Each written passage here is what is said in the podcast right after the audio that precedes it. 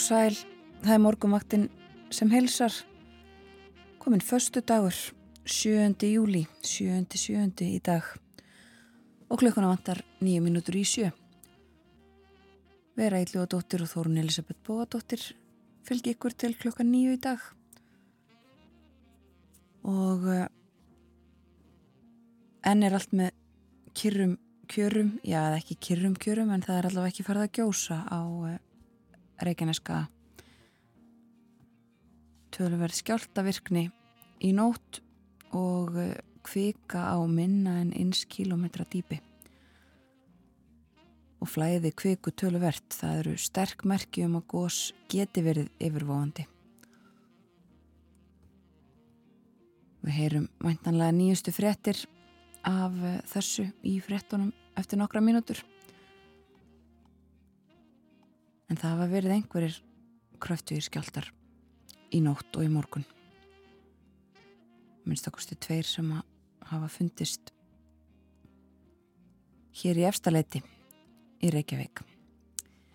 En uh, við lítum til veðurs. Kannum fyrst hvernig við ræði klukkan 6 í morgun. Og það var tíu steg að hiti heiðskýrt og norðaustan 1 metri á sekundu í Reykjavík klukkan 6. Sjöstega hiti og hægur vindur á Kvanneri, skíjað í stekkisólmi, 8 stega hiti og 5 metrar á sekundu. Sjöstega hiti og logna á Patricksferði og sjöstega hiti og hægur vindur í Bólungavík. Lika sjöstega hiti og nánast logna á Holmavík, 6 stega hiti og allskíjað í Littlu Ávík. Sjústega hitti á Blöndósi og við Söðanisvita og sömulegðis á Akureyri.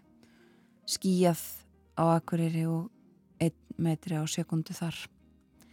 Fjórastega hitti á Húsavík, 6 stega hitti á Rauvarhöfn og Hægur Vindur.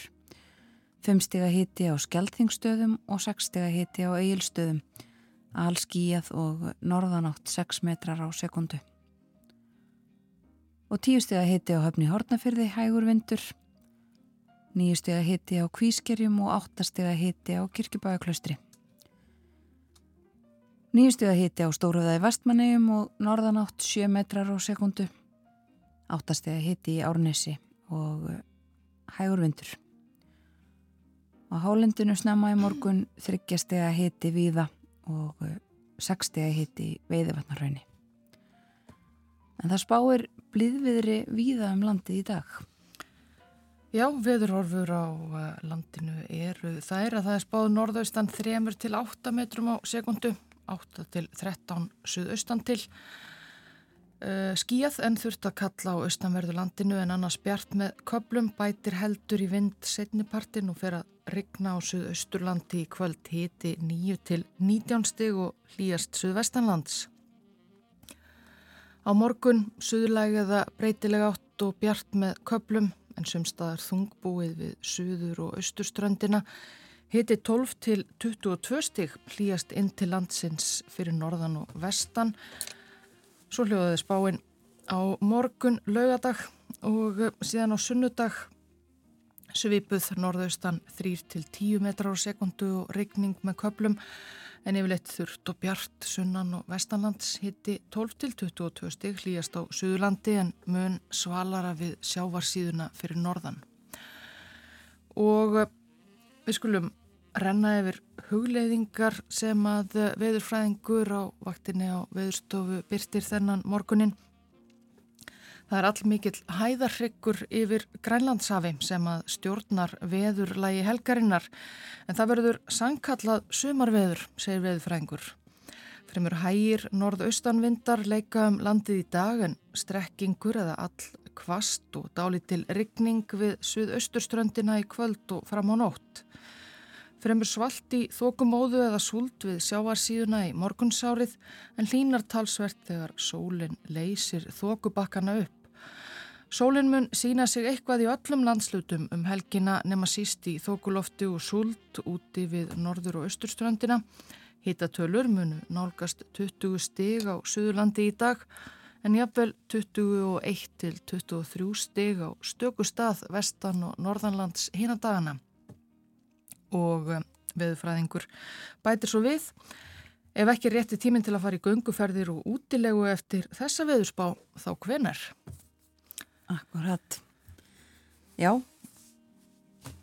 skilabóðininn í helginu komin frá veðurstofunni og hefur þá ekki bara að heyra fallegt lag um fallegan morgun sem að verðist vera í uppsyklingu víða um land.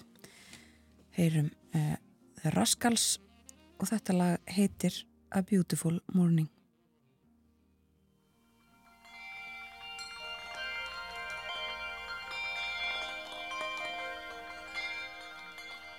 It's a beautiful morning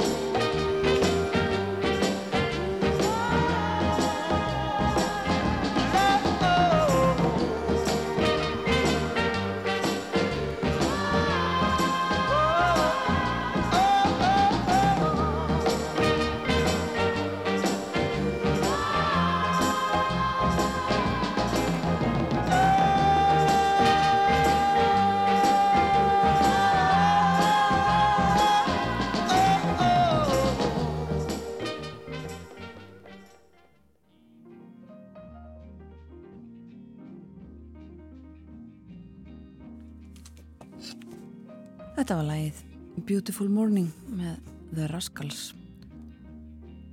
Og það er eins og við nefndum fyrir lagið fallegur morgun í uppsyklingu við leipum frettastofunni að fáum nýjustu tíðandi af jarðhræringum og kannski sekka fleira. En snúum svo aftur hér á morgunvaktinu og kynnum efni þáttarins í dag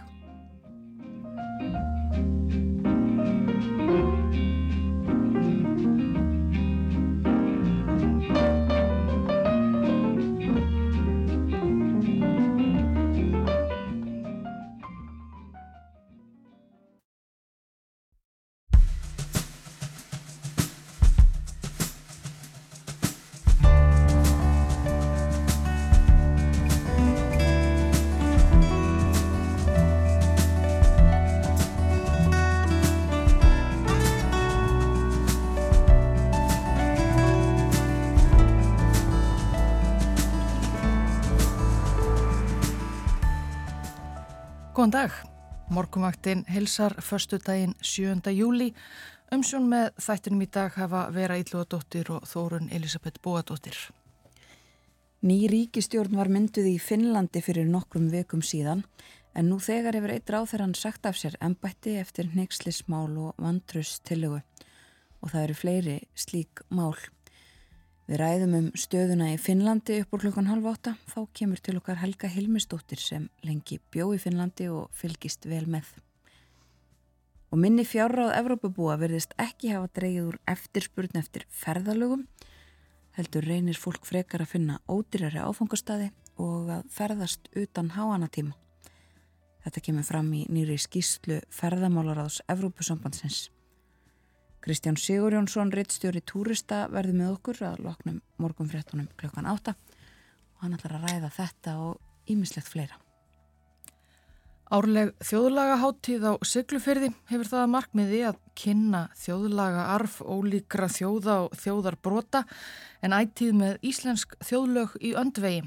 Fjölbreytt dagskrá er á háttíðin í ár sem hófst á miðugudag og stendur til sunnudags. Ekki einungis tónleikar heldur einnig námskeið til dæmis í flamengo og grískum þjóðdönsum. Við heyrum nánar af þjóðlaga háttíðinni þegar við ringjum í Gunstein Ólafsson, listrænan stjórnanda hennar í síðasta luta þáttarins upp úr hálf nýju. Svo fylgjumst við með þrettum, eh, skoðum bæði innlend og erlenda fjölmela fórsýður og fylgjustu þetta líka með skjáltum og eh, erum með líka eh, annað augað á beina streyminu af eh, fagradalsfjalli að frá Reykjanes skaga þar sem að ekkert er að gerast akkurat núna annað en bara falligur morgun á Reykjanesi eins og hér í Reykjavík þar sem við sitjum og víða um landið og það á að sjást til sólar víða. Það er uh, norðaustan 3-8 metrum á sekundu spáði í dag en 8-13 söðaustan til. Verður skíjað en þurft að kalla á austanverðurlandinu en annars bjart með köplum. Það bætir heldur í vind setnipartin og fyrir að regna á söðausturlandi í kvöld. Hittinn á bylinu 9 til 19 stig í dag hlýjast söðvestanlands og uh, á morgun hæg suðlæg eða breytilega átt og bjart með köplum en sumstaðar þungbúið við suður og austurströndina. Og hitin þá 12 til 22 stig hlýjast inn til landsins fyrir norðan og vestan. Og sunnudag svo norðaustan 3 til 10 og rikning með köplum en yfirleitt þurft og bjart sunnan og vestanlands. 12 til 22 stegi hiti hlýjast á Suðurlandi en mun svalara við sjávarsíðuna fyrir norðan og uh, það segir í hugleggingum viðfræðings eins og við fórum yfir hér fyrir frettinnar klokkan sjö að uh, farið yfir viðurspána það sé all mikil hæðarryggur sem að stjórnar viðurlagi helgarinnar sem verður sannkallað sumar viður og uh, svo þessi viðurspá hlýjandi og að lókum sagt ef ekki er rétti tíminn til að fara í gunguferðir og útilegu eftir þessa veðurspá þá hvenar kvartning frá veðurstofinni sannsagt til þess að nýta góða veðrið. Og ég held að um, að minnstakosti fólk á Suðvesturhóttinu sem ekki hefur um, fengið mikla sól þessum afersumri takki þessa kvartningu til sín takki hann alvarlega og verði úti alla helgina. Það voru margir sem að, sem að nýttu sér góðverið í uh, strax í gær Þar á meðal eh, maðurinn á fórsýðu morgunblæðsins í dag eins og segir í teksta við fórsýðu myndina þegar viðurstofa Íslands báir þurfiðri er um að gera brett upp ermatnar og ganga í sumarverkin. Og eh, á myndinni má sjá eh, vaskanmann sem að er að mála glugga á árbæjarsafni, á gamlu húsi á árbæjarsafni. Mála kvítan glugga á svörtu húsi eins og segir ennfyrirmur í myndateksta kvítu og svartu litirnir eru áberjandi á sapninu sem margir hafa eflaust heimsótt í góðviðrinu í gær. Við eru örglega mikið að gera á árbæðisafni líka í dag. Annars skildi engan undra að það er fjallað um jarðhræringar á fórsið morgumblasins e, í dag. Það er uh, fleiri eldstöðvar gætu vaknað er fyrir sögnin og uh, rætt við Aratrösta Guðmundsson, jarðvísindamann.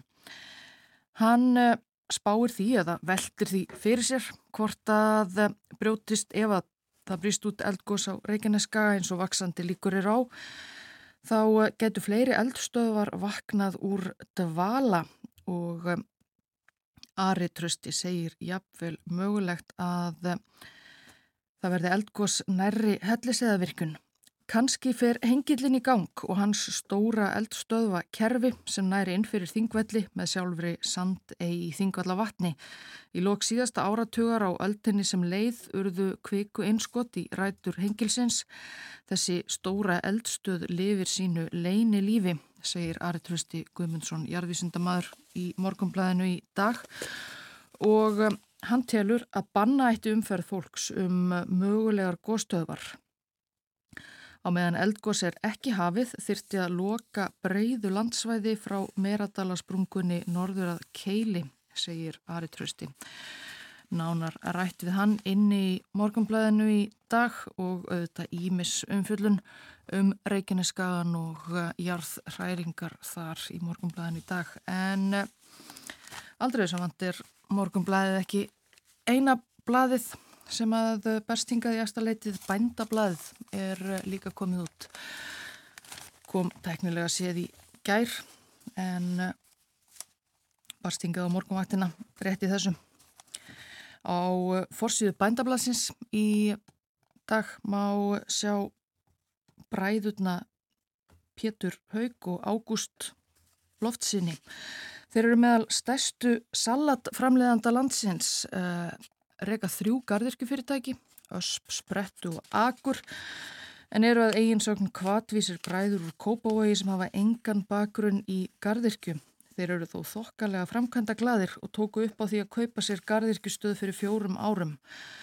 Mynd af þeim eh, bræðrum í eh, einni í gardirkjustöðu sinni við salatrækt á fórsvíðu bændablaðsins, nýjasta tölublaðs og rætt við þá inni í blaðinu. Á forsíður einnig fjallaðu um málefni uh, Lífyrirsjóðsbænda sem að uh, er í upplaust eða stjórn Lífyrirsjóðsins er í upplaust fjórir af fimm stjórnarmönnum sjóðsins sögðu af sér í júni og uh, það hefur verið búið til auka ársfundar í ágúst til að manna stjórn og varastjórn. Fjallaðum þetta í bændablaðinu. 13. tölublaði og uh, blaðið er þygt eins og það er gerðman ímislegt uh, inni á síðum þess.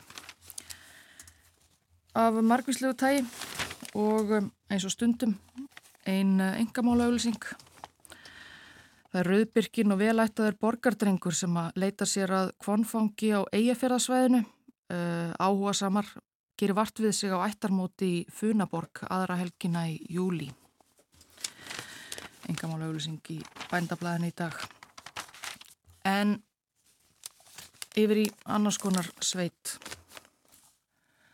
Á streymisveitunni Apple TV Plus má uh, sjá þætti sem að heita My Kind of Country. Þetta eru þættir um country tónlist sem að uh, leikonan Reese Witherspoon stjórnar og þar uh, keppast nokkrir uh, tónlistamenn, uh, keppa nokkri tónlistamenn í fluttningi á country tónlist. Og það sem að hefur vakið aðtikli við þessa þætti er að keppendur eru kannski ekki alveg í uh, svona staðal ímyndinni sem maður hefur af, af country tónlistamanni, þannig eru meðal annars uh, tónlistamenn frá uh, Nýju Deli í Indlandi, frá Suður Afríku og, og, og fleiri löndum, þannig eru hinsegin country tónlistamenn og og fleiri skrítnar skrúfur sem að flytja þessa bandarísku sveitatónlist. Og meðal keppenda er eh, hljómsitt sem að kalla sig Kongo Cowboys og eh, er frá Suður Afríku, ekki Kongo og eh, við skulum heyra hvernig þeir flytja hið velþægtalag Dolly Parton, Jolene Jolene, Jolene, Jolene, Jolene. Abondelio, sika yanga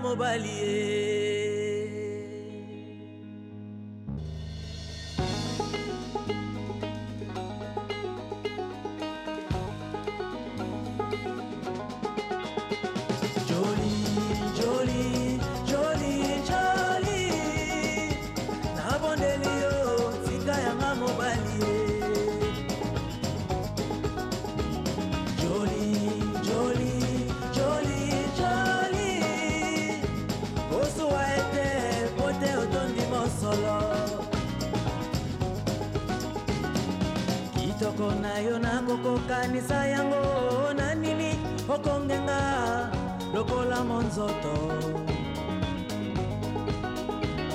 Esekeli na yo bonzenga mongongo na yo lokola matanga ya mvula.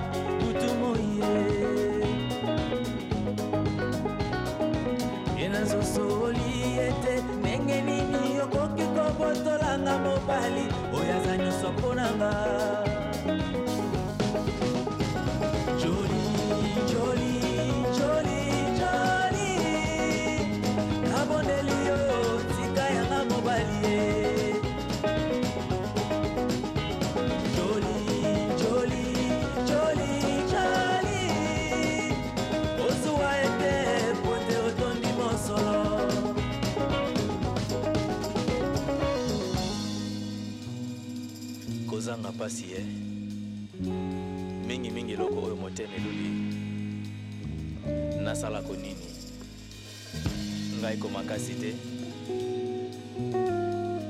Navandi kaka ngai mwana mawa. Se kobanzaka yo butu moi. Zongako asala boni. Nasuka wapi? ngai sekolela Thanks.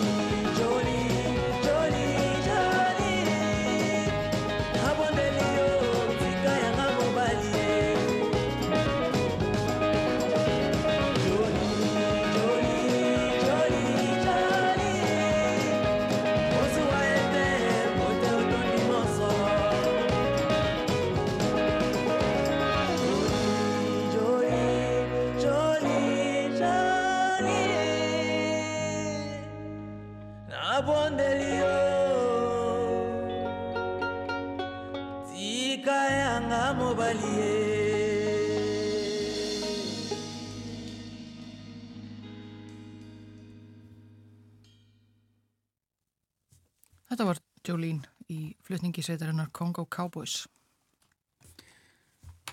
og við skoðum blöðin sem að koma út hér á landi áðurum við líkum þetta lag. Uh, lítum nú aðeins út í heim.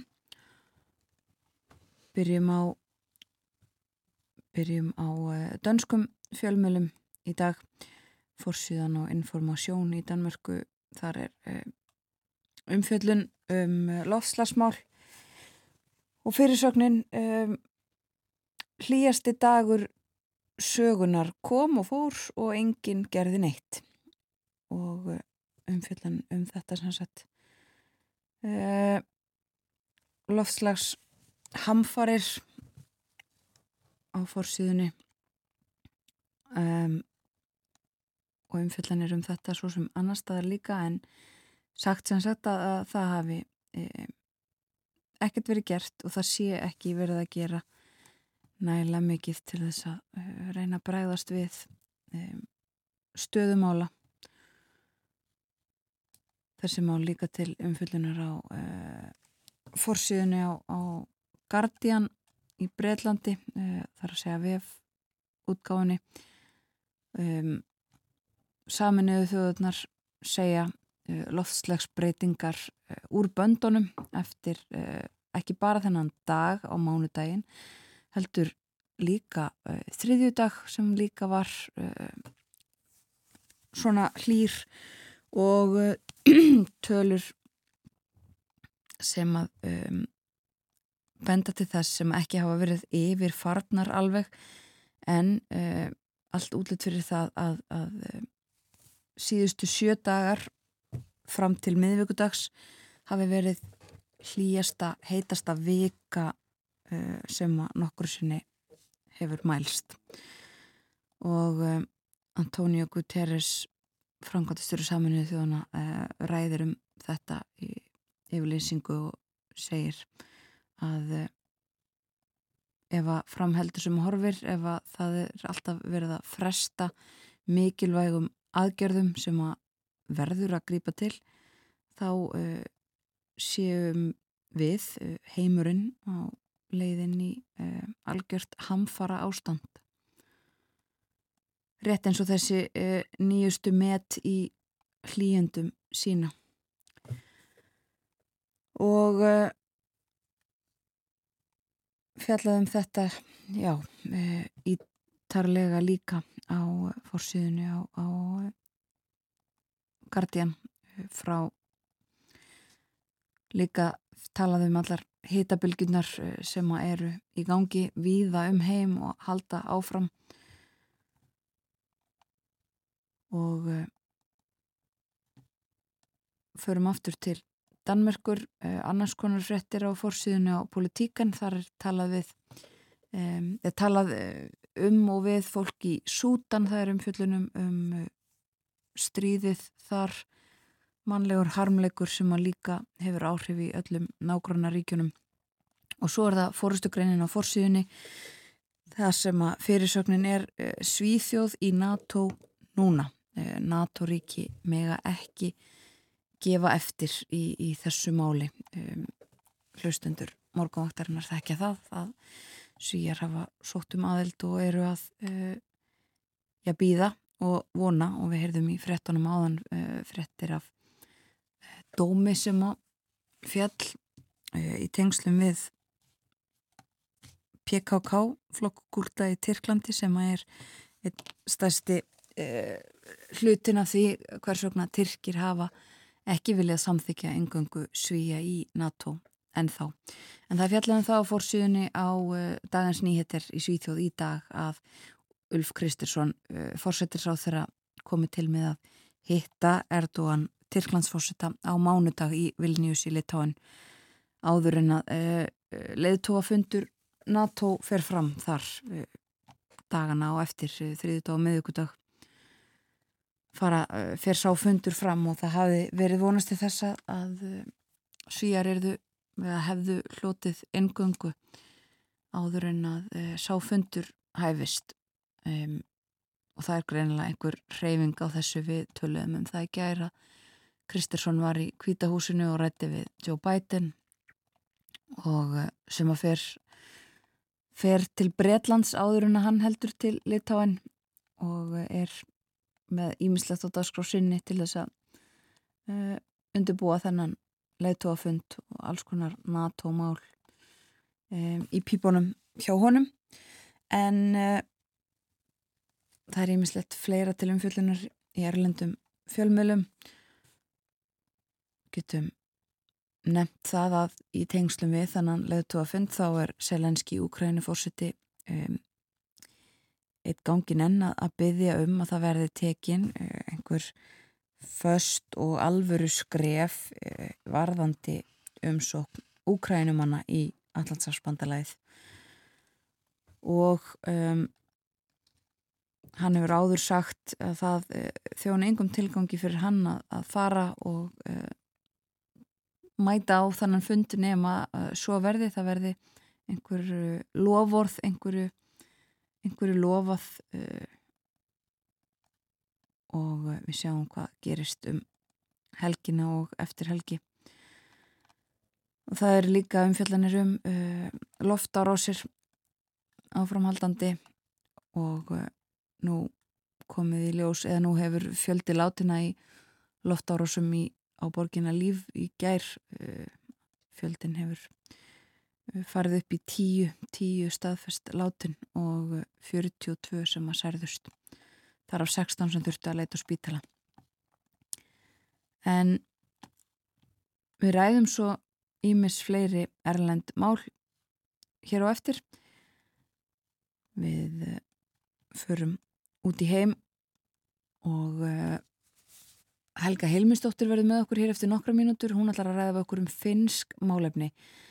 Það er uh, nokkrir dagar vikur síðan að ný ríkistjórn var mynduð í Finnlandi.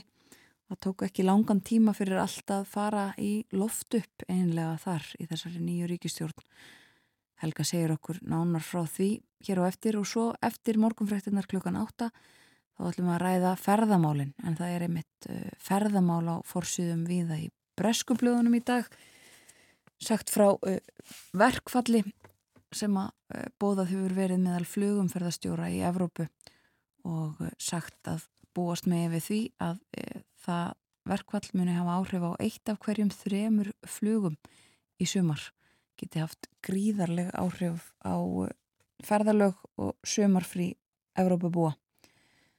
Meirum það hér og eftir en uh, við förum að leipa frettastofunni að fáum það nýjasta í jarðhræringamálum. Við erum auðvitað með augun á beina strömmnum.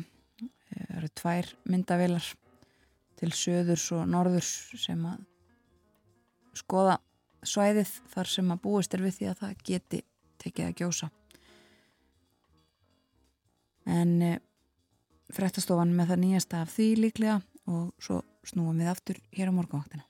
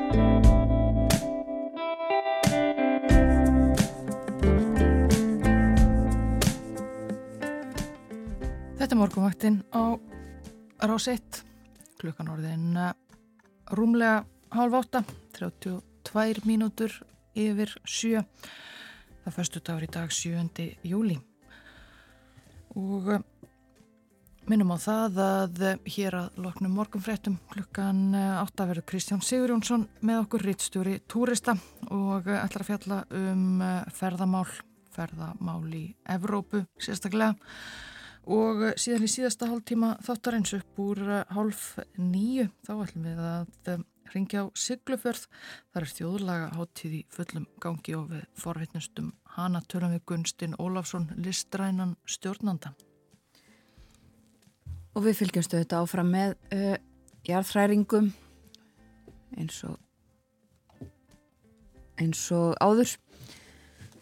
Fylgjumst með skjáltunum og fréttastofanu þetta með puttan og púlsinum hvað það var þar líka og, og lætur vita ef, að, ef eitthvað gerist. Það voru allavega einhverjir skjáltar sem að fundust hér í efstaleiti snemma í morgun og þó nokkrir skjáltar í nótt. Þeir eru grunnir margir hverjir og eins og við hefum heyrt líka fréttunum eh, þetta, þessi nýju gögn sem að benda til þessa eða benda ekki til þau sína þessi gögn að kvekan eh, er á minna en eins kilometra dýpi, jafnvel greinra en það og flæði kviku er töluvert og þetta eru sterkmerki um að gós geti verið yfirvondi en það eru þetta ekkert víst í þeim málum en næstu mínuturnar ætlum við að fara til Finnlands eins og við hefum nefnt. Það er ekki nema örfóar vikur frá því að ný ríkistjórn var mynduð þar í landi eftir kostningar í apríl. Og uh, þessi ríkistjórn hefur ekki upplifað neina kveitibröðsdaga strax hefur einn ráþeran uh, sagt af sér uh, fengi á sig vantrustillögu fyrst stóð hann að rendar af sér en, en er hættur. Og það er vegna neykslismála og það er alls ekki eina neykslismálið sem að upp hefur komið og er í umræðunni í Finnlandi til okkar á morgunvaktina er komin Helga Hilmistóttir hún uh, starfar hjá átnástofnun er málvísindamadur en kemur hinga til okkar uh, sem sérfræðingur í finnskum málefnum að því að þar bjóun og, og, og fylgist vel með hefur komið til okkar áður til að ræða þessi mál líka. Helga, velkomin á morgóttina. Takk. Um, þessi ríkistjórn var mynduð formlega fyrir innan við þreymur vikum, er það ekki rétt hjá mér?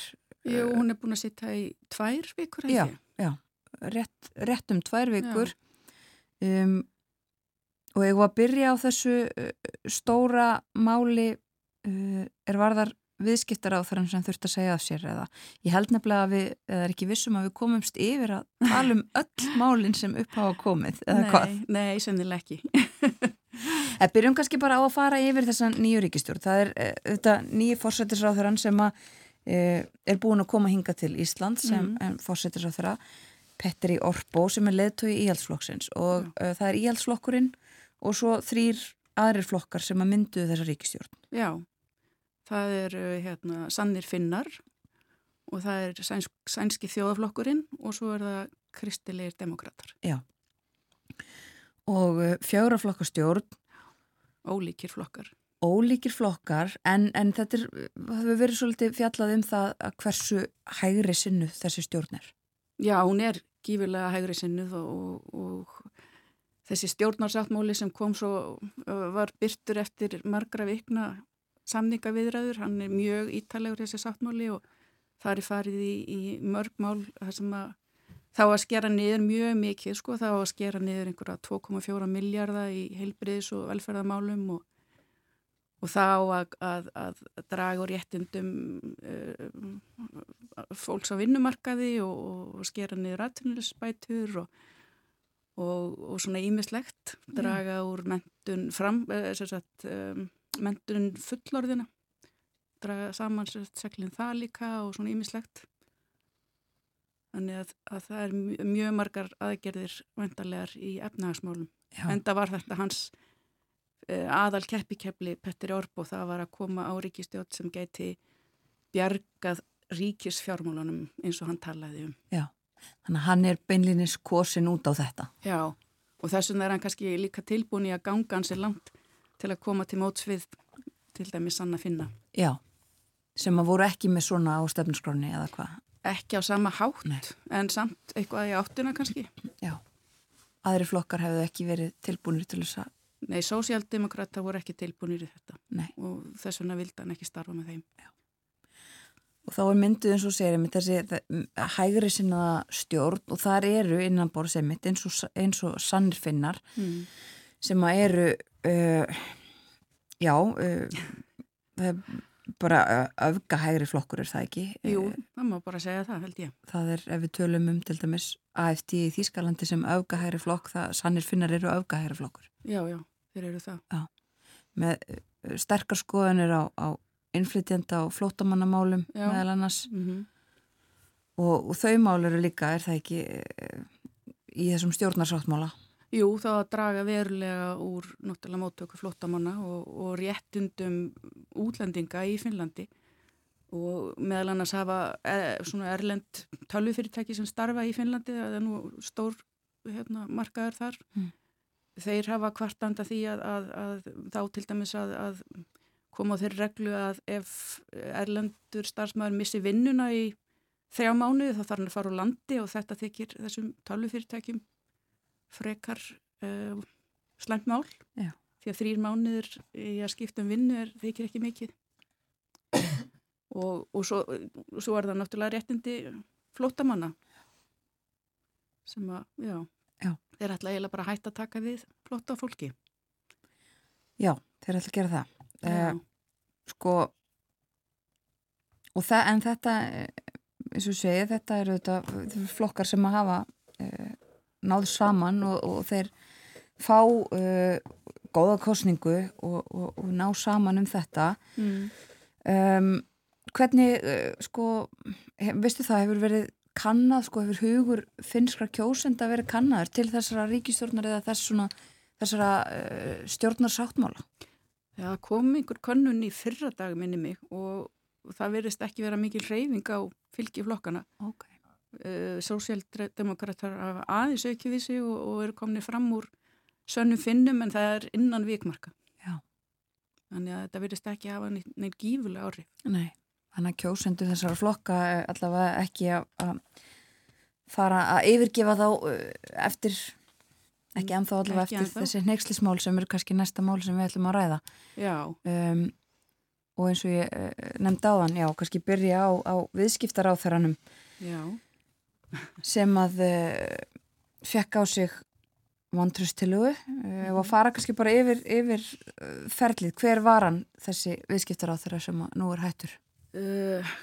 Júnila heitir hann og, og hann var sem sagt, uh, tók þátt í, í flokk, einhverjum fundi nýnasista í Óbú eða Turku 2019 og hjælt það ræðu og, og var náttúrulega, hérna, það þykir náttúrulega stórmál og svo mætti hann á fyrsta degi þingsins með bindi með myndum af þvottabjörnum sem er vist tákn nýnasista Já. ég þekki ekki alveg til þess að það en, en, en og það var mikið talað um þetta bindi og hann, hann held í fram að hann hefði nú ekkert vitað hvað í þessu fælist og hann hafði bara fengið þetta bindi frá koninu sinni og þannig að en, en það, já, þetta stóra bindismál kom upp Já. á fyrsta degi Já, og svo já, e, þetta með það að hann hafi talað e, í, á e, þessum fundi og svo hefur, er það ekki verið ímislegt fleira líka dreigið fram í dagsljósi varðandi hann, e, svona einhver fleiri ummæli og, og Já, já, það er svolítið erfitt að muna hver saði hvaða því það hafa alveg ótrúlegustu ummæli fallið á, á meðal annars Twitter, þeir eru mjög uh, virkir á Twitter sannir finnar. Já, og eitt af því sem hefur verið talað um er að, að það er ekki alveg samræmi á milli það sem þið segja á Twitter, þeir ganga svolítið langt þar og svo út af við í fjölmiðlum þá, þá reynar að vera svona meiri svona stjórnmálamenn, þannig að Já. þetta er svona tvöföld skilabóð svolítið. Já, en, en það, þeir, þeir hafa skrifað alveg ótrúlustu hluti á samfélagsmiðla. já og um þess að sér, það er ekki þessi, það er ekki bara Junilla e, Nei, nei. sem er, hefur e, talað svona eða, eða hefur komið upp eitthvað svona mál. Það er erfitt að muna hver saði hvað og Já, hver lækaði hvað en, en, Já. en þeir, já, og það sem að þeir hafa líka verið gaggreindir fyrir er að, að, taka undir þessa samsæriskenningu um stóru umskiptin þar sem að því er haldið fram að það sé einhver eliti hópur sem er að reyna að skipta út uh, Evropabúum fyrir fólk frá Afríku og mið Östurlöndum já, og þetta hafa uh, sannir finnar eh, segjast ekki trúa á samslæðiskenningu en þeir uh, neyta því samt ekki að, að sko, já það er frekar eins og þeir trúi að þetta sé satt frekar en að þetta sé samslæðiskenning það er að þannig sem maður virast tólka þetta. Þeir tala um að þeir vísi bara í tölur. Og, og, og já, Sko, um, eins og þú segir, það eru, það eru margir uh, sem að þarna uh, hafa já, verið að draga upp og fram uh, alls konar ummæli og, uh, og gjörðir líka. Af Mm. hverju er það sem að uh, það er farið fram með vantröstilugu á þennan ráð þeirra en ekki kannski einhverja aðra eða, eða fleiri? Já, það náttúrulega er mjög alvarlegt þegar uh, þingmaður hefur haldið bara ofnbæra ræðu á fundin í nasista. Ég held að það hefur fyrst og fremst verið það. Já, að það er ekki eitthvað sem að fleiri hafa, hafa Nei, gert. nei, ég, eh, ekki svo ég viti. Mm. En, en uh, já, þannig að það var kannski fyrst og fremst þetta. En hann stóð hana af sér. Já, einu sem, sem að, sagt, kusu gegn honum voru, sæns, það var sænski þjóðaflokkurinn. Já. Þeir stuttan ekki, að þrýr held ég að þingmenn sænska þjóðaflokksins stuttan ekki. Og, og formaður Sandra Finna var mjög, uh, hún er mjög reið yfir því, sko. Og það er greinilega mjög erfitt samstarfið þarna á milli þessara tveggja flokka. Já, sænska þjóðaflóksins og Sandra Finna. Já. Já. en það er mjög langt á milli þessara flokka og það kom kjósundum uh, sænska þjóðaflokksins mjög óvart að þeir skildu ganga til samstarfs við Sanna Finna. Já. Því að Sanni Finnar hafa náttúrulega verið á móti sænsku í Finnlandi til dæmis. En, en uh, sænski þjóðaflokkurinn er, hann er del, uh, ekki stórflokkur og ég held að 70% finnsk, eða sko sænskumælandi finna kjósi þennan flokk. Já. þegar þeir eru sko að hugsa náttúrulega um er að sjá til þess að, að uh, sænskan verði áfram uh, ofinbært mál og, og, og að það sé bóðið upp á alla þjónustu á sænsku þannig að þetta er mikið hagsmunamál. Þetta er náttúrulega minni hlutahópur og þeir eru alltaf í baróttu fyrir sínu. Og, og þeir fengu óvinni mikið plást núna í þessum stjórnarsáttmála uh, sænskumælandi finnar en þetta er nú kannski fórnarkostnar en að þurfa þá að vinna með sönnum finnum. Þeir fengu þrjú ráðherra embætti og, og þetta snýst mikið um að tryggja heilbreyðstjónustu á sænsku, að halda þessum sjúkrásum og opnum sem að bjóða upp á, á Já. ummunun og þjónustu á sænsku. Já. Þannig jafnvel þó að það er að skera niður í, í helbriðiskerfinu þá er þetta ekki, það er ekki þar í forgangi að skera þetta niður. Þá ekki að loka þessum sjúkrásum, þeir, þau eru alltaf einhvern veginn, það er alltaf verið að hóta því að loka Já. þessu sko. Já.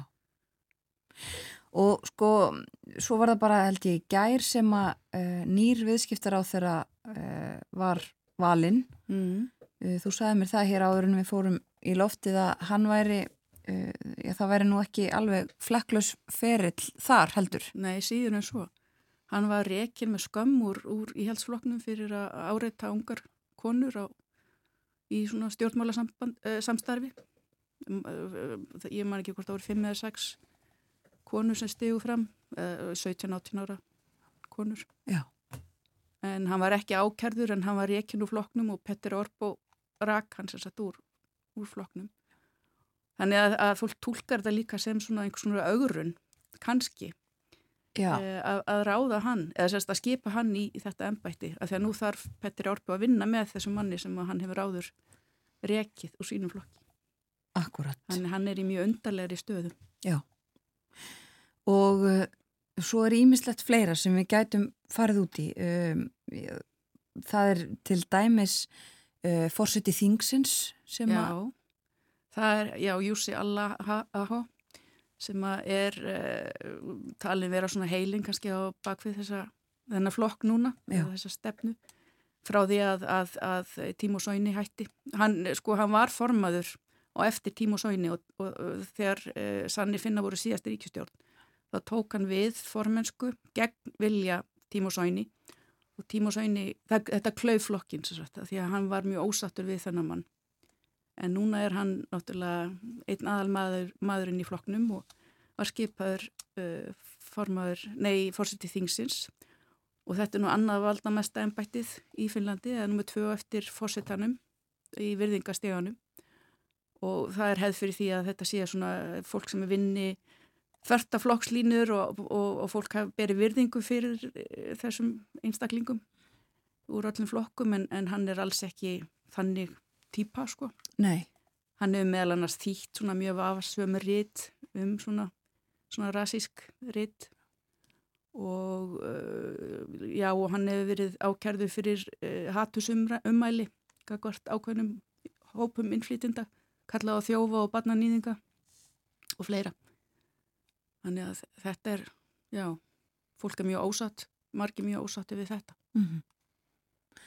Og svo eins og þú nefndir á þannig mitt uh, þessi um, samsæriskenningum um útskiptin, það er uh, fleiri ráþeirar eða já, uh, innanríkisráþeiran nýja, sem að líka hefur hafnað því að, að trúa þessari, eða aðhyllast þessa kenningu. Já. Um, Það er, það er nóg af taka, er ekki einhverjir fleiri hlutir líka sem við gætum tekið til sem að hafa svona komið upp á yfirborði þessar síðustu bara daga, þetta eru valla margar vikur.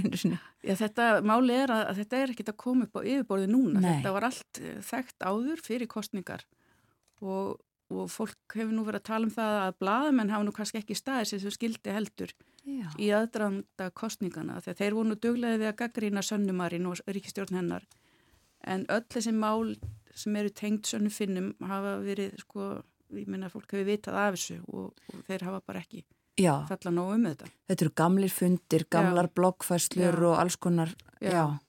Og uh, það kom sko ung bladakona sem skrifaði grein í kveldfréttinnar Ildaletti uh, sem er svona kveldblad í Finnlandi, uh, uh, Erama. Hún skrifaði grein þar sem hún gaggrindi sann að finna fyrir það að vilja þakka niður í bladamönnum og, og spurði meðal annars hvort að finna vildu fara aftur til þeirra tíma þar sem að þeir þeir þurft að lesa um veikindi Kekkonens í, í New York Times. Og þess, þessu bröð, þeir bröðust mjög illa við þessu sannig finnar og, og það var bara, hún var fyrir miklum árásum og út, húð, var úthúðuð á Twitter af þingmönnum og ráðherrum og fekk meðal annars hótanir um, um líkansmeðingar og, og kynferðisofbildi og ég veit ekki hvað hvað og, og uh, uh, mannréttinda fulltrúi Európaráðsins sendi, ég held ég í gær bara, bara kröfu um það að þetta er því rannsakað í Finnlandi Já. að ríkistjórnir rannsakaði þetta Við höfum helga að tala svolítið mikið um, um sann að finna og svona deilur þeirra við kannski hina flokkana en það er mm. líka Uh, ég hef bara verið greint frá því á síðustu dögum að til dæmis leðtói Kristileira Demokrata hefði gaggrínt uh, samra á þeirra sína úr íhjálpsfloknum og sænska þjóðafloknum fyrir að hafa mætt í gleðigöngu hinsegin fólks í Helsingi Já. það eru áreikstrar víðar. Já, einmitt. Þeir hafa lengi hérna, þeir hafa ekki stutt réttinda bara til samkynniðra þeir hafa heldur ekki stutt náttúrulega fórstureyðingar og annað. Og það var mál sem var skilsmið rætt í, í þessum um hérna þegar það var verið að setja saman þessa, þessa ríkistjórn en það kom nú aldrei meira upp á auðborðið en Já. það var talað um það til dæmis að, að, að gefa heilbrís starfsfólki uh, rétt til þess að neyta konum um fóstureyðingu til dæmis. Og, en já, einmitt og, og Petter Orbo, honum var bóðið á gleðigönguna uh, hann vildi ekki, hann aftakkaði Já. Sem að er, uh, sko, Sanna Marín náttúrulega tók þátt á, sín, sín, á sínum tíma og það getur vel verið að þetta sé eitthvað sem hefur verið rætt, sko, í ríkistjórninni. Mm -hmm. En aðri ráþarar úr hans flokki mættu þannig? Já, það voru en... nokkri sem mættu bara á eigin vegum. Já. Flokkurinn mætti ekki held ég sem held, sko. Já. Þetta eru, sko, uh, þetta eru mörg mál og, og stór sem að maður ímynda sér að fyrst að uh, fyrst að áreikstratnir eru orðnir svona strax á fyrstu vikunum að þá verði þetta nú kannski ekki endilega langlýft samstarf en hvernig, hvernig er fjallað um þetta svona í heilsinni í Finnlandi og hvað heldur fólk að, að gerist uh, bara á næstu missurum? Uh, já, náttúrulega sko, þeir sem ég þekki þeir, það eru flestir að býða eftir því að, að, að hefna, ríkistjórnin bara að það taki einhver önnur ríkistjórn við þessu já. en ég veit ekki alveg hvernig þetta er svona almennt það eru nú örgulega mísemt eftir við hvernig maður talar en, en það sem kemur náttúrulega finnum líka svolítið óvart er þessi aðtikli sem að, að ríkistjórnin fær eða Finnland hefur fengið. Mm. að þeir eru ekkit vanir því að umheimurinn sé að fylgjast með þeim. Og núna hefur verið að skrifa greinar í, í, í þessum stó, stóru uh, dagblöði Þískalandi og svona og það eru alveg hrikalegar fyrirsagnir eins og sko Cabinet of Horror og eitthvað svona sem byrtist í fjölmiðlum Erlendis. Og já, þannig að uh, já, já, þetta er bara Já. allt í sorglegasta mál. En það er ekkit verið að velta því upp einmitt, hversu langlíf þessi stjórn verði eða hvort að uh, þetta endist. Jú, ég, jú, ég held að fólk hafi nú kannski aldrei ge- gert ráð fyrir að, sko, Petri Orbo sagði sjálfur að hann vissi þetta, að, þetta yrði erfitt en, en þetta hefði verið erfiðar en hann bjóst við. Já. Þannig að ég held að hann sé bara í, í vondri stöðu. Já. En náttúrulega notuðu svo marga viku líka til þess að, setja saman þess að ríkistjórn, þannig að það er eiginlega, já, maður sér að, að, að það er augljóst að hann er náttúrulega ekki í góðri stöðu eftir tvær vikur. Já, nei, akkurat. Og uh, svo eru þetta eitt af stóru málunum uh, svona á alþjóðavísu og kannski líka ástæða þess að það er aðtikli sem beinist að Finnlandi eru þetta innrás rúsa í Úkrænu og Já. Allandsafsbandalags aðildin og allt það sem við höfum ekki, um, ekki farið inn í en, en um, eru þetta risastór mál líka. Já, og það er alltaf að koma upp einhver mál eins og núna er verið að loka uh, konsulatinu í Pétursborg finska, það kom grafa í gær um það, þannig að Einmitt, já, og, akkurat verið að um, nýju finnskum diplómatum vísað Já. frá Rúslandi, las ég í morgun. Já, einmitt. Akkurat, það er ímislegt um að vera. Við fylgjumst áfram með þessu og sjáum hvað setur í finnskum stjórnmálum. Kærar þakkir fyrir að koma til okkar á morgunvaktina Helga Helmistóttir. Takk sem þess.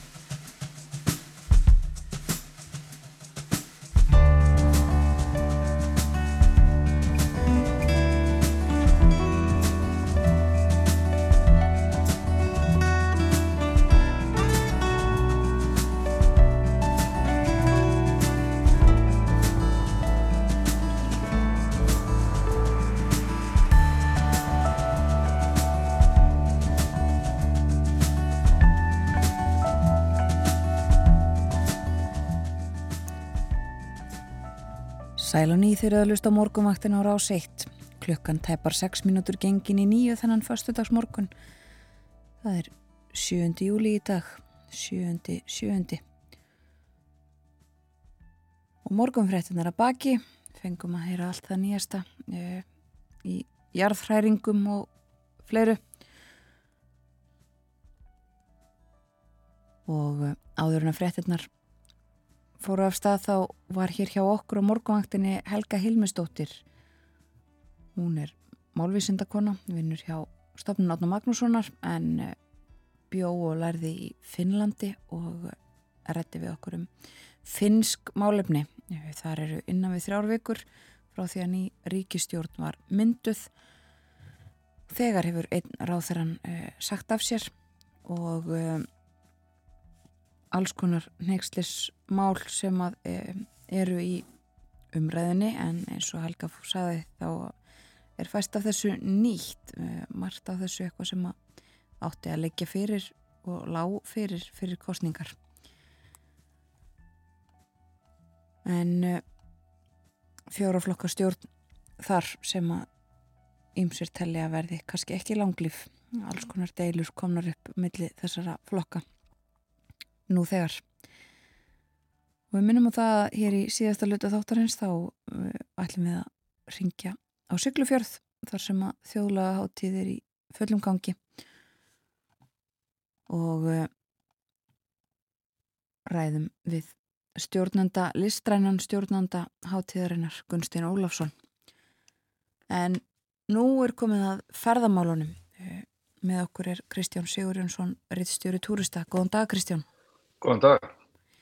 Við nefndum það í morgun uh, upp úr forsýðum breskra blada að uh, það væri mögulega eða gætu verið yfirvóandi verkföll hjá flugumferðastjórum í Evrópu og þessu er slegið upp á nokkrum, nokkrum forsýðunum þar um, í svo sem kannski tengslum við fréttir sem við sagðum frá ykkur mann fyrir í vikunni að það er útlætt fyrir bara met fjölda fluga á hverjum einasta degi núna e, þessum há annað tíma. Um, sko verkvöld hjá flugumferðarstjórum þau getur ventanlega haft miklar afleðingar á ferðalög Já heldur betur, við rættum um til núna heldur í voru þá voru franskir flugumfærastjórar farið í, í stuttverkvall og það var til þess að, að hérna, til dæmis fórstjóri Ryanair flugfélagsins sem er nú stærsta flugfélag í Európu var mjög ósáttur og bendi einmitt á að þegar frakkar fær í viðtal, nei, í verkvall þess ekki, þá týtti það að það væri ekkert þetta fljú yfir landi þannig að það væri ekkert þetta að fara stýst í leðina millir Breitlands og, og Spánar og svo framvegis. Þannig að að það eitt og sér hafði gríðarlega áhrif í Evrópu og, og ef þetta verður þá að veruleika þar er þegar fljóðumfærarstjórar víða um Evrópu farið í verkvall þá er sennilega voðin vís eins og er svo sem hérna í að að í þessum fréttum frá Breitlandi í morgun að þetta geti haft gríðarlega áhrif á alla fljóðsamgöngur í, í álfunni því að það er eins og þú sagðir útlitt fyrir alveg mjög mikla umferð næstu vikur. Já og þá skiptir okkur hér á Íslandi engum máli þó að íslenskir flugumförðastjórar séu í vinnunni af því að einmitt eins og segir þetta snýstu þetta um uh, lofthelgina á, á uh, hverjum stað eins og þú nefndir þetta með Frakland. Já, já, og, og þetta er eitt af þeim málum sem að svona fluggerinn í Evrópu hefur að berjast fyrir, það er að segja að hérna, lofthelgin yfir Evrópu, þess að í Evrópu sambandinu hún verði staminnið í eina og, og þetta verði þá svona eitt svæði en, en En það er einhver síður, eh, það kannski hefur ekki svo stóra áhrif núna ef, ef það er þá bara almennt svona leilig stemmingi á flugum fyrir stjórum í álfunni að þá er, hérna, er sennilega ekkit annað í, í bóði heldur en að fá fleiri í þessi störf og hækka launin því að þetta er náttúrulega vandamál í bandaríkjunu líka. Það gengur mjög ítla að manna lausar stöður sérstaklega í flugumferðarstjórn á New York saðinu sem hefur orðið til þess að bandaríska flugfélagi United er að tala um að skera tölvöld nýður umferðina til og frá New York flugvelli þær í borg. Já, einmitt. Við eh, fáum vantarlega fleiri fréttir af þessu og fylgjumst með því en eh, við ætlum að ræða hérna nýja skýrslu ferðamálaráðs Európu-sambandsins og, og nýðustuður hennar.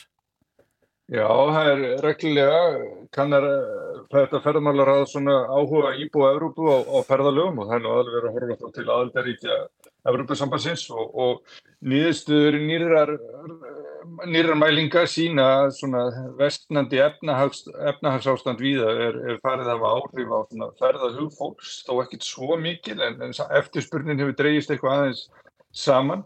En eh, nú eru fleiri kannski líka að horfa til þess að ferða svona utan háana tíma þegar að verða á flýju og gístingu er almennt lægra en yfir sumamánuðina.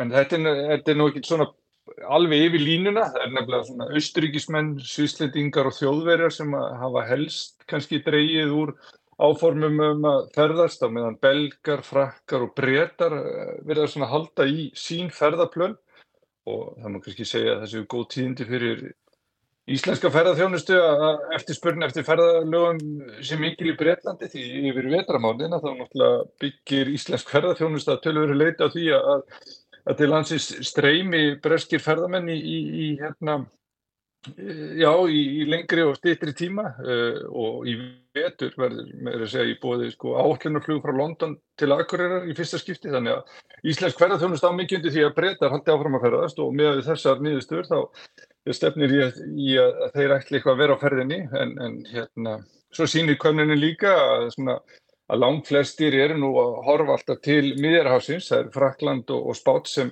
hafa mest aðdráttar af blið en, en, en svo er það nú eitthvað svona hægt að lesa út úr þessu að aukin áhugi sé á ferðalögum til landa svona norðar í álfunni og, og, Tjekkland, Írland og Danmörk vinsætli en ofta áður en, en Ísland er nú ekki nefnt sérstaklega í þessu nýðistum en, en, en við njótu þá góðs að því að fólk er að horfa norður. Já, er það, er það veðurfar eða er, er orðið og heitt? Já, það er það og, og svo verðist þeirra bara mikið lági að komast í, í tengslu náttúruna. Það er, já, eftir, það skiptir eiginlega ekki máli hvaða aldurshópar eru spurðir, það er, svona, náttúran er, er sett svona eiginlega efst á blaðhjöldnum, þannig að það er hérna, vinnur alveg öruglega um Íslandi. Danmörk, maður kannski hugsaður ekki Danmörk sem mikið túristaland fyrir aðra en Íslandinga? Já, þeir eru náttúrulega fátt til sín að er ótrúlega fjölda þjóðverja í sumabústæðin á Jólandi og svo hefur náttúrulega kaupmannahöfn fengi náttúrulega í langan tíma mjög góða umsögn í, í ferðarpressunni og það er þessi danski lífstíl og, og danir eh, ánæmi tilvöruna og allt þetta. Þannig að, og, þannig að kaupmannahöfn hefur náttúrulega verið lengi þótt mjög spennandi og svo er hérna það er gengið ákveðlega vist að fá ferðarmenn til að heimsækja Óðinsjö og, og æskuslóður Hási Andersen og svona. Þannig að þetta er svona, þeir eru nú að gera margt eh, svolítið fínt í daninir í ferðarþjónustunni. Já, akkurat. Og kannski við færum okkur þá úr þessu einmitt yfir í uh, flugferðinar til Danmörkur eins og vera segði uh, Kaupmannahöfn og Danmörk alltaf vinsæl áfangastæður Íslendinga um, og þið voruð að byrta nýlega á, á túrista eins og reglulega lista yfir já, það er borgir sem að mest er flóið til frá kemlaugufljóðli og til og frá. Já, já, og, og þar er eh, náttúrulega bara alltaf Kaupanhöfn í fyrsta öðru sæti, það er þá London og Kaupanhöfn eru þær borgir sem langa oftast er flóið til frá kemlaugufljóðli og, og, og sko í, í London eh, lenda þóttunar á fjórum mismunandi fljóðlum en, en í Kaupanhöfn þá er það bara Kastrup, þannig að Kastrup er eða svo fljóðlu sem langa oftast er flóið til frá kemlaugufljóðli og Og þetta breytist ekki trátt fyrir að sko, umferðin sé alltaf aukast og, og áfangarstöðunum fjölgar að þá er hérna kaupmannhöfn alltaf þarna þetta ofalega og sjáum bara til dæmis svona á vennilegum sumadegi þá fljúa þóttur Æslandir í alltaf fjóru sinum á dag til kaupmannhöfna, plegið komi allt eina til tværferðir á dag og svo er SAS með daglegaferðir þannig að umferðin er rosalega mikil þrátt fyrir um þetta Danir eru bara þannig að rúmlega 5 miljónir og, og danski ferðarmenn svo sem ekkit stæsti hópurinn á Íslandi en, en eins og þú sagði þá fjölmenn náttúrulega Íslandingar til Danmörkur og, og svo er Kastrumflúvöllur náttúrulega vinsett svona tengiflúvöllur. Það er þá fólk annar staður úr Európu eða úr heiminum flúið til Kaupmannhafnar og þaðan til Íslands og, og Íslandingar nýta sér náttúrulega Kastrumflúvöll til þess að fljúa eitthvað annað út í heim því það er náttúrulega margir því að fljúa um uh, eh, Kastrupflúvall, hann, hann er náttúrulega mjög þægileg, þetta er þægilegu flúvallur mm -hmm. og, og það er til dæmis alveg ábyrjandi þegar maður tala um flug við íbúa hér í Stokkólmi að það finnst flestum náttúrulega Arlanda flúvallir fyrirborg ferðilega slappur með, í samanburði við Kastrup, þannig að það er hérna mikið spurninga að, að, að þessi flúvallur í, í Köpmanahöfni er, er vinnað. Já og einmitt þú nefndir SAS sem er eitt af flugfélagi sem að flýgur uh, á milli uh, Keflavíkur og, og Kaupmannahafnar. Uh, það eru tíðindi af SAS. Já, sinni, er... einu sinni enn. Já, nákvæmlega, þetta gengur mjög illa. Það var sem sagt tíðastlið sumar þá var ákveðið að sækjum gjaldfrótavernd hjá bandariskum dómstólum það er að segja til þess að endur skipilegja fjárhægin og, og Það leiði fjækst og þá var gefið út að þetta myndi taka 9-12 mánuði en, en nú þegar 12 mánuðir er liðnir er útlýtt fyrir þetta að taka allavega 6 mánuði viðbót. Og svo á að efna til hlutafjárútbós en svo er komið babbi bátinn því að eh, Evrópudómstól komst að þeirri niðurstuðu nýverið að þessi styrkur og stuðningur sem SAS fekk í, í COVID-faraldrinu frá dönskum og, og hérna, sænskum stjórnvöldum hæfi verið ólöglegur og Svo í þessar viku gaf eh, framkvæmdastjórn Evrópuráðsins það út að það er að fara í sauman á þessum uh, ríkistyrkjum sem SAS fekk. Þannig að þetta er uh, svona setur eiginlega svona alltaf áformum hlutafjárútbóð svolítið í, í, já, ja, í, óvissu þannig að það er á eftir að sjá aðeins hvernig verður unnið úr þessari stöði það er kannski ekki spennandi fyrir fjárfesta að leggja mikið fjö í flugfélag sem þarf kannski að fara að greiða miljarda aftur í, í, í ríkistyrki sem það fekk í heimsvaraldarinnum að endur greiða þá.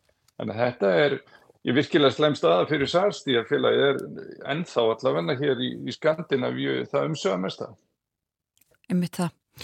Um, Við byrjuðum þessa umfyllun á að tala um uh, en þennan lista sem að uh, þið takir saman hjá túrista og um, er ykkur fleiri, er ykkur breytingar, þú nefndi það einmitt, London og Kaupmannhöf kannski skiptast á að vera í fyrsta sæti yfir þær borgir sem að mest er flóið til, en, en hvað með hinnar borginnar?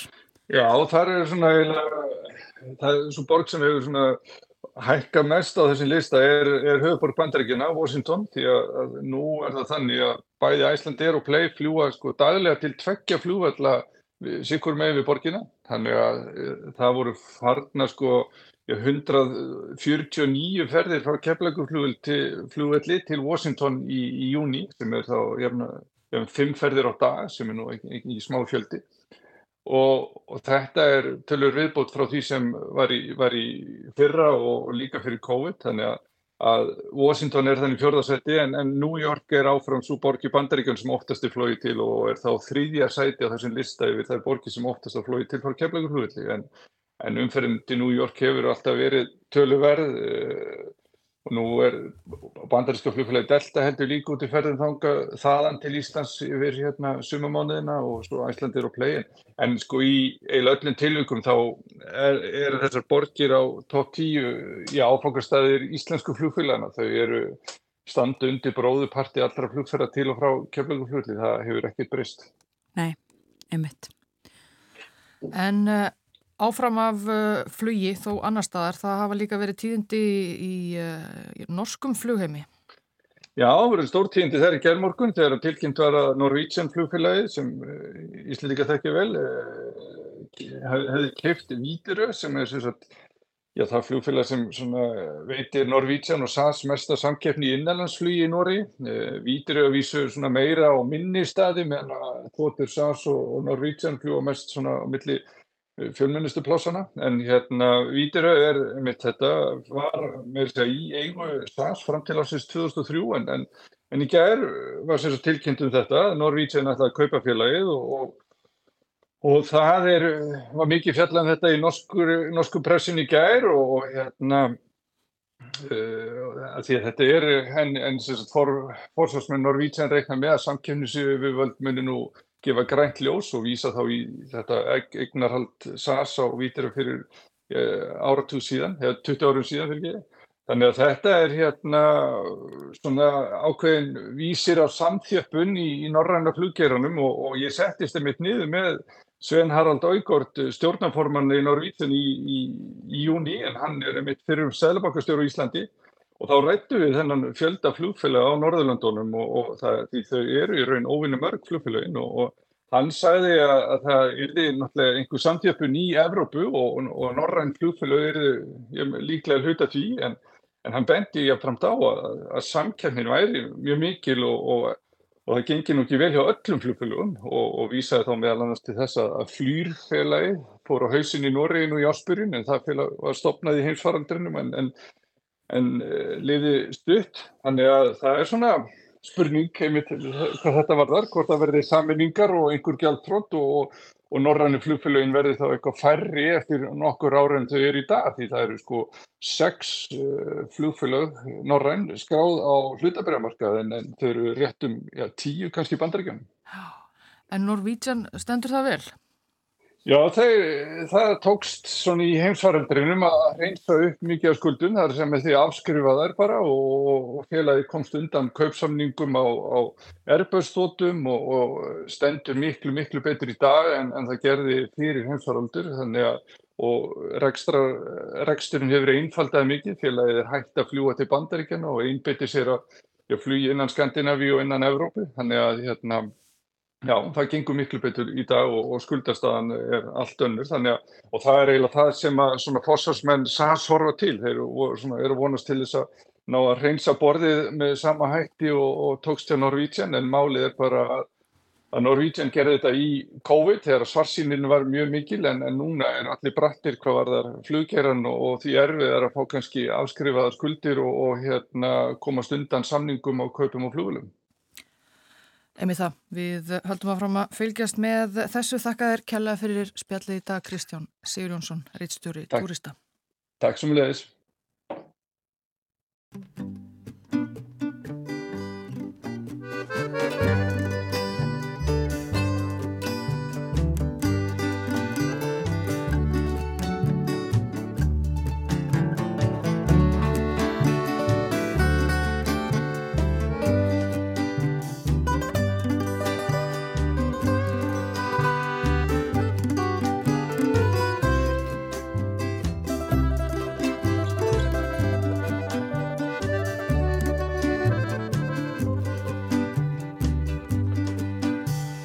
Kátur út um dyrnar.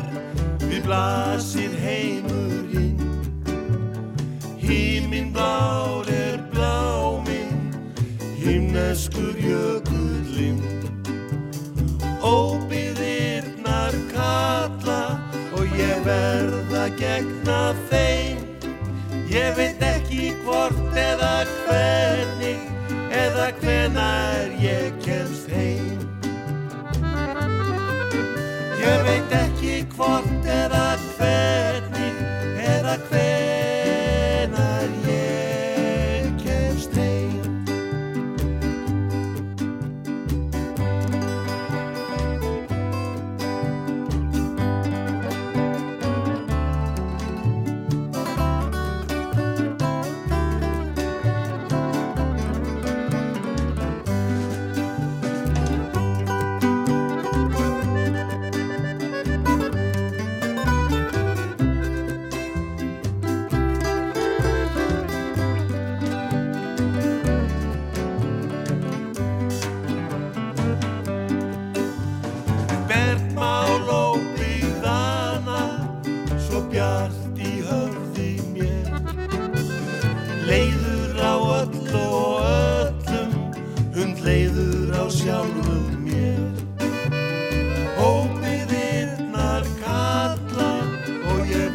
verða gegna þeim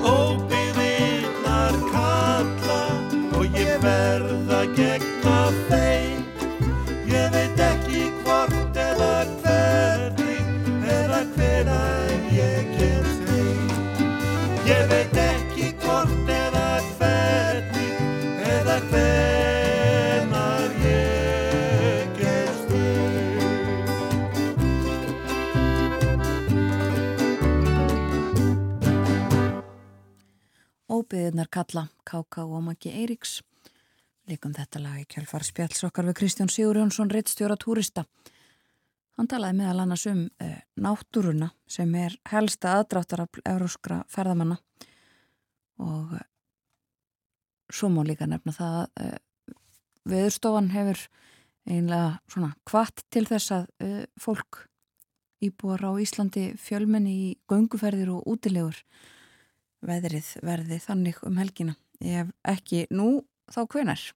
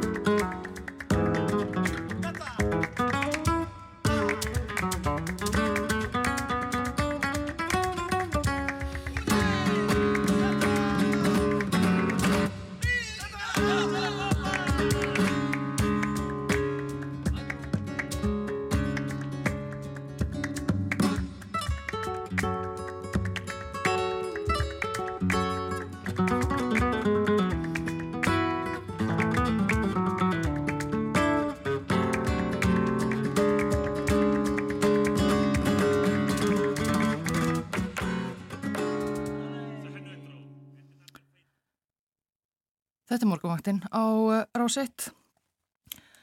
Klukkan á ráðin hálf eh, nýju og eh, við leikum þarna verk með íslenska flamengo gítarleikaranum Reyni Haugsinni. Hann flutti Salvation del Rey. Hétt þetta Reynir er meðal þeirra tónlistamanna sem að koma fram á þjóðlagaháttíðinni á Siglufyrði. Spilaði í gerðkvöldi reyndar sínist mér á dagskráni á samt, uh, á samt fleirum en uh, við ætlum að forvittnast uh, örlítið meira um þessa háttíð og erum komin í samband við Gunstinn Ólafsson sem er listrætt stjórnandi þjóðlega háttíðar. Kondur sæl Gunstinn. Já, góðan dag. Ég held ég verða að byggja þig um að já, segja okkur í byrjun hvernig við erum á Siglufyrði. Það er bara ágætt veður, það er skíjað og, en, eh, og stilt, þannig að það er bara bríðis veður. Og þjóðlægaháttíðin er í fullum gangi, hún hófst hvað á miðugudaginn? Já, háttíðin hófst á miðugudaginn og stendur fram á sunnudag.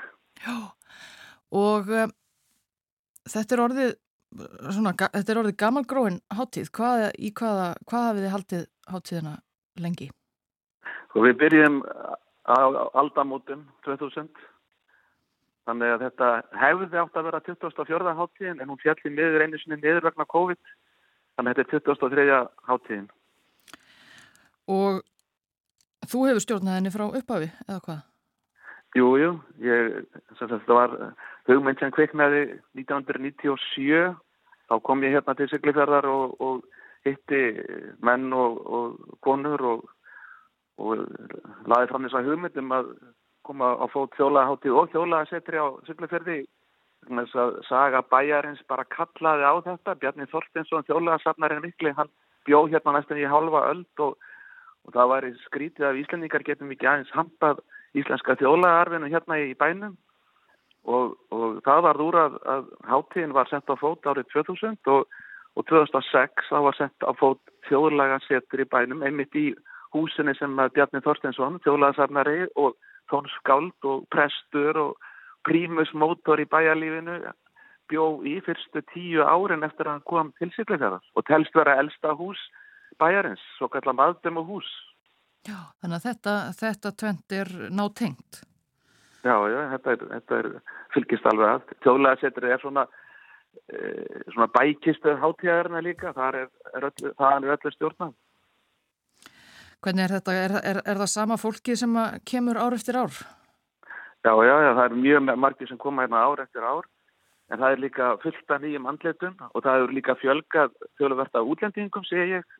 Það er eins og við hefum svona verið að, að við hefum haldið út í Facebook síða og ennsku líka og það er eins og að erlendir ferðamenn bara gangi á hljóðið og, og hérna sækja hátíðina. Já, það lítur auðvitað að vera talsvert af, af erlendur ferðamennum í bænum.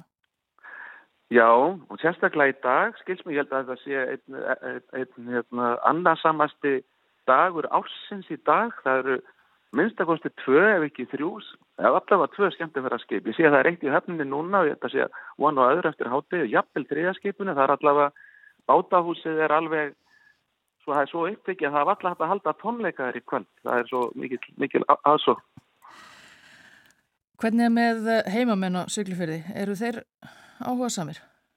Þeir eru, já, já, þeir hérna, hafa sína þessu príðilegan áhuga og, og hérna, þetta er náttúrulega Bjarni Þorstinsson kallaður fadir Siglufjörðar og uh, þannig að þeir vilja gera honum sem hæstundur höfði og, og hafa stutt þessa hérna, bæði hátíðin og þjólaðsveitur með ráðum og dáð þannig að ég get ekki kvartað undan því að Siglfjörðingar og, og fjallbyggðungar að þeir sína þessu ekki áhuga Þetta hefur líka breyst mikið frá því að göngin komu að, að þá hefur hérna, sko, umferðin úr eigafyrði hefur alveg stór aukist að hátíðina. Það er miklu auðveldar að, að komast núna til sykluferða heldur en áður. Þannig að það, þetta voru svona vatnaskil í sögu hátíðarna þegar göngin komu. Það, og ég held að allir geti sagt að þetta sé, það er alveg nýtt, nýtt tilvera hérna frá því að, að hér eins vera göng komu. Emi það, hefur, já, hefur háttíðin breyst mikið síðan, síðan hún hóf göngu sína?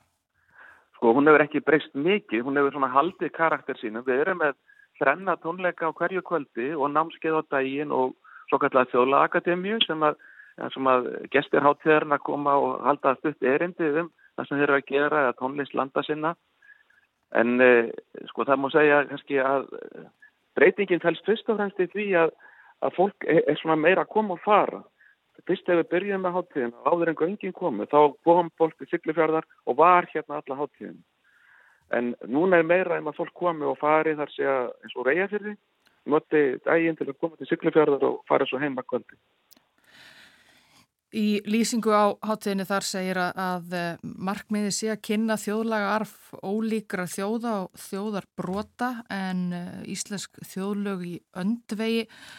Það er mikið af eh, erlendun listamönnum sem, sem að taka þátt. Já, það er alveg ótrúlega mikið um það að erlendir hérna, listamenn vilji koma fram á hátíðinni en við erum svona vel að bundin svolítið í báða skó með það. Við getum ekki stutt menn til faraðinnar eða, eða listamenn sem vilja koma til landsins þannig að ég byrð yfirlegt erlenda hópa um að leita styrkja heima fyrir og, og, og koma þannig til landsins og það eru nokkru hópar sem að koma núna, það er einn frá Belgiu, mjög flottur hópur sem er með tónleika í kvöld einmitt í bátahúsinu þegar allir herðamennanu þegar þeir hafa hefur gefið bátahúsi þá stígur, stígur hérna þjóðlega sveit frá Belgíu fram sem heitir Marvara. Það er ung stúlka sem heitir Marjeki van Ransbeck sem að leikur á sekjapípur og með fjóra með sér koma svo eh, frá Belgíu en eru þetta alþjóðleg sveit eins og er oft í þessum bransa. Það eru mjög mikið fólk allstaðar á veröldinni sem að sapna saman og spilar músík og er mætti kalla þá heimstónlist því að hver eh, kemur með áhrif frá sínu heimalandi inn í, inn í hópin og svo erum við með hóp frá Danmörku sem að eh, er með tónleika einmitt í, í kirkjunni á morgun klukkan klukkan 5 uh, það er, hún er frá, frá Árósum í Danmörk og þau eru líka frá Spáni og, og, og, hérna, og er að spila með spænska músík líka og norræna. Og uh, svo við með, voru við í gerðkvöldin með, með listamenn frá Norrlöndunum Karolíne Skríver frá Danmörku og Lassi Lógrein frá Finnlandi heldur tónleika á samt Ástu Sigriði Arnardóttur sem er einn efnilegasta þjóðlagasöngun okkar Íslendíka og starfsmaður þjóðlagasettusins þannig að þetta er, er hægt að bjóða erlendur listamennum að koma ykkar ef að, ef að hérna, vilja fyrir hendi svona báðu megin borðsins. Þannig, og þetta hljómar eins og, eins og frekar fjölbreytt dagskrá. Já, svo var það náttúrulega, ég glemði að greikjónum okkar, hún hérna Rena Rasso Óli sem að býr reyndar ásýtlu fyrir, það er alveg stórkosleg, stórkosleg grísk þjólaðsönguna frá Krít, hún eh, þótti bræði sína frá Krít og þeir eru hérna núna í sveimar og, og spila á, á Krít, krítísk, það mæti segja svo, hljóðfæri, lútu og líru og, eh, og koma einmitt fram á, á uppskjöruháttíðinni annað kvöld í bátahúsinu. Þannig að ég hvet fólk eindreiðis að koma og hlusta á þau. Og þau eru líka með námskeið, þau eru með námskeið í, í, í dönsum, grískum dönsum hérna á háttíðinni og, og þannig að það eru ímislegt hérna á, á döfinni. Sem, já, það eru námskeið líka, þetta er ekki bara tónleikar. Segð mér aðeins uh, frá þeim. Já, við erum með, það veit hann er til að við erum með þrjú dansnámskið sem er nú alveg, aldrei gæst áður hjá okkur. Það er einna grísku dansarnir. Svo erum við með námskeið í gamle dansunum það er einna ung fólk allir Freyr Hjaldarsson og Elisabeth Katrín Meisson sem eru með námskeið í, í gamle dansunum hérna. Og Ásta Sofía Þorgersdóttir harmonikuleikari er þeim til stuðnings svo erum við með námskeið í flamingodansi það er ung stúlka frá Mexiko Alejandra Davila sem er með það námskeið. Og svo eru hérna þau uh, Karolína og Lassi sem ég myndist á áðan, þau eru með svona norrænt þjóðlaga námskið þar sem að fólk er beðið um að koma með hljóðfæri með sér og spila með þeim og syngja og, og svo eru við með þjóðlaga akademíuna sem er allan daginn og uh, þar sem að listamenninni koma hver á fætur öðrum og segja frá sínum uh, heimahögum og tónlistinni þaðan. Aukveð sem við erum að kynna rýmbutnar og tvísengin og og gamlu íslensku hljóðfærin, langspila og íslensku og þannig að hér er, er all, alls konar í gangi. Og getur hver sem er sótt námskeiðin eða þarf maður að vera velversaður í þjóðlugum fyrirfram? Nei, þetta er einmitt ætlað öllum. að þau kosti ekki neitt námskeiðin og akademían ekki heldur þannig að við erum náttúrulega að reyna að laga þannig fólk af hátíðinni, koma að vera á námskeiðum, ókipist námskeiðum og sækja svo tónleikana og kaupa sér þá eh, band sem að, armband sem að gildir á alla hátíðin og er á miklum afslætti og, og það, þetta hefur verið ágættis aðslokk, við hefum verið með rúmlega 100 manns á hverjum tónleikum þannig að við erum hæst ánum Þannig að það hefur gengið vel hinga til. alveg gríðarlega vel og frábæri tónleikar sem við hefum hérna, haft og þetta er svo eh, mikið af ungu fólki sem að sýnir einmitt þjóðlega tónlist áhuga þannig að það eru, hérna, eru bjartu tíma framöndan. Einmitt það, maður sér það þegar maður rennur yfir uh, dagskrána, það er mikið af ungu fólki sem að, sem að uh, kemur fram, sínist mér, og sækir þá tónleikana líka. Já, það er nú sko, þorri áhörenda eru svona í, ég myndi segja svona rúmlega færtir og, og, og þar yfir. En sko, en músikantarnir, þeir eru í, í meirul þetta sínist mér, sko, á milli 30, eða svona 30 og 40. Og ekkert, engin, ekki, ekki dvínandi áhugi á þjóðleiri tónlist uh, þá hjá, hjá yngri Nei. kynslaðum. En, en reynda sko á sunnudaginn þá verða heldur hérna Sinfoníljónsveit unga fólksins tónleika. Það er, hún náttúrulega skipuð 40 ungmennum á aldurinn 15 til 25 ára og þar mun Ólína Ágatóttir sem er ung og frábæla efnileg, efnilegu píjónuleikari sem stundar nám í, í Noregi á tónlistarháskólinni í Oslo. Hún er eftir að flytja píjónakonsert eftir Jórunni Viðar, Slátti auk þess að við fremflytjum líka nýtt verk eftir ung íslensk tónskáld Gísla Magnússon sem heitir Tíminn er eins og vatnið og svo verður áttunda symfóni að Dvorsaks leikin í, í lokin sem að byggir endar á, á bæheimskum þjóðlega áhrifum. Jáhá, þessi konsert, Jórunar Viðar, hann heyrist nú ekki á hverjum degi. Nei, ég, ég, mér telst til að sé í fymta skipti sem að hann er tekinn til flutning. Hann var saman 1977 og ber einmitt mjög sterk þjóðlega einkenni. Maður heyrir alveg óminn af rýmarleganum í koncertinu. Þannig að þetta er mjög, hún, hún, hérna, þetta er mjög skemmtilega skrifaður koncert og hann verður líka fluttir í Langholmskirkju á, á Bánudagskvöld núna uh, það er ekki tíundi tíundi júli, þetta rennur allt saman hjá mér. Allavega núna mánudaginn þá, þá verður sagt, koncertin fluttur aftur í Langholmskirkju, hljómsettin heldur þá auka tónleika. Já, þannig að maður, maður ef maður næri ekki að bruna á Siglufjörð, þá getur maður getur maður þó heyrt, heyrt hann.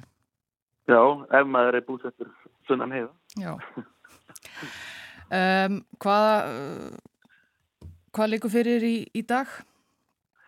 Í dag, þá þjóðlagatinja byrja nú klukkan tíu, þá alltaf þau, þá Danmörku, það er að segja Attika, hún félagarnir í Attiku, þau ætla að segja frá tónleisinni og, og svo verður, já klukkan átta í kvöld þá verður hún Natalia Tjó með kýmerska tónleika í kirkjunni og hún ætlar að segja frá uh, kýmerskri þjóðlagatónleik sem var klukkan 11 í þjóðlagatinjinni og námskeiðin er í fullum gangi líka. Og uh, þannig að það er svo þarf að, að undirbúa prógram og það er alls konar verkefni sem býða minn hérna í dag.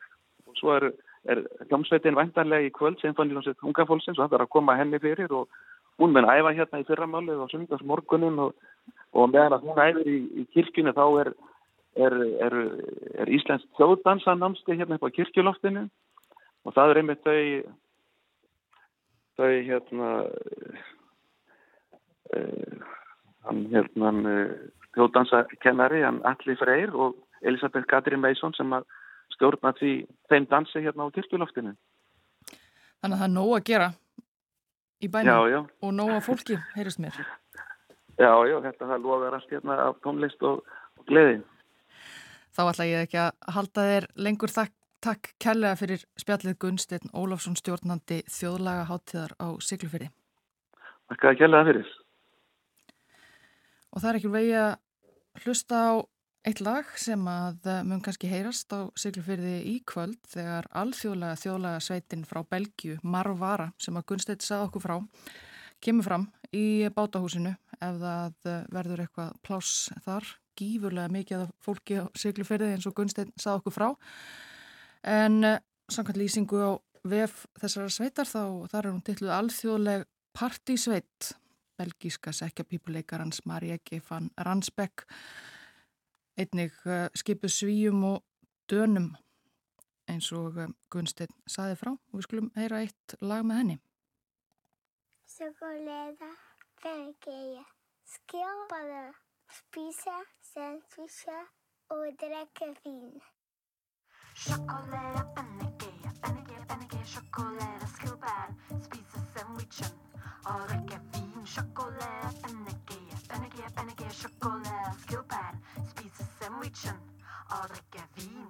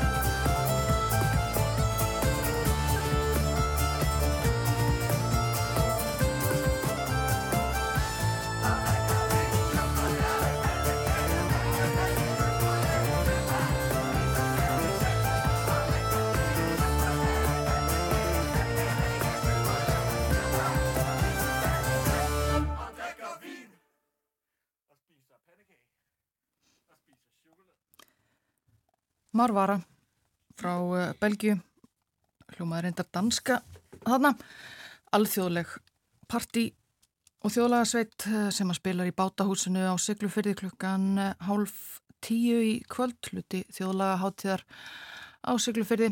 Við vorum að tala við Gunstin Ólafsson, listrænan stjórnanda háttíðarinnar brjálað að gera hjá honum og brjálað að gera í bænum allt fullt af ferðamönnum og þjóðlaga unnendum. En þetta var loka lag og loka atriði morgunvaktarinnar þennan morgunin og þessa vikuna. Já, við hefum verið hér með ykkur alla virkamotna, vera Ylluðadóttir og Þórun Elisabeth Bóadóttir.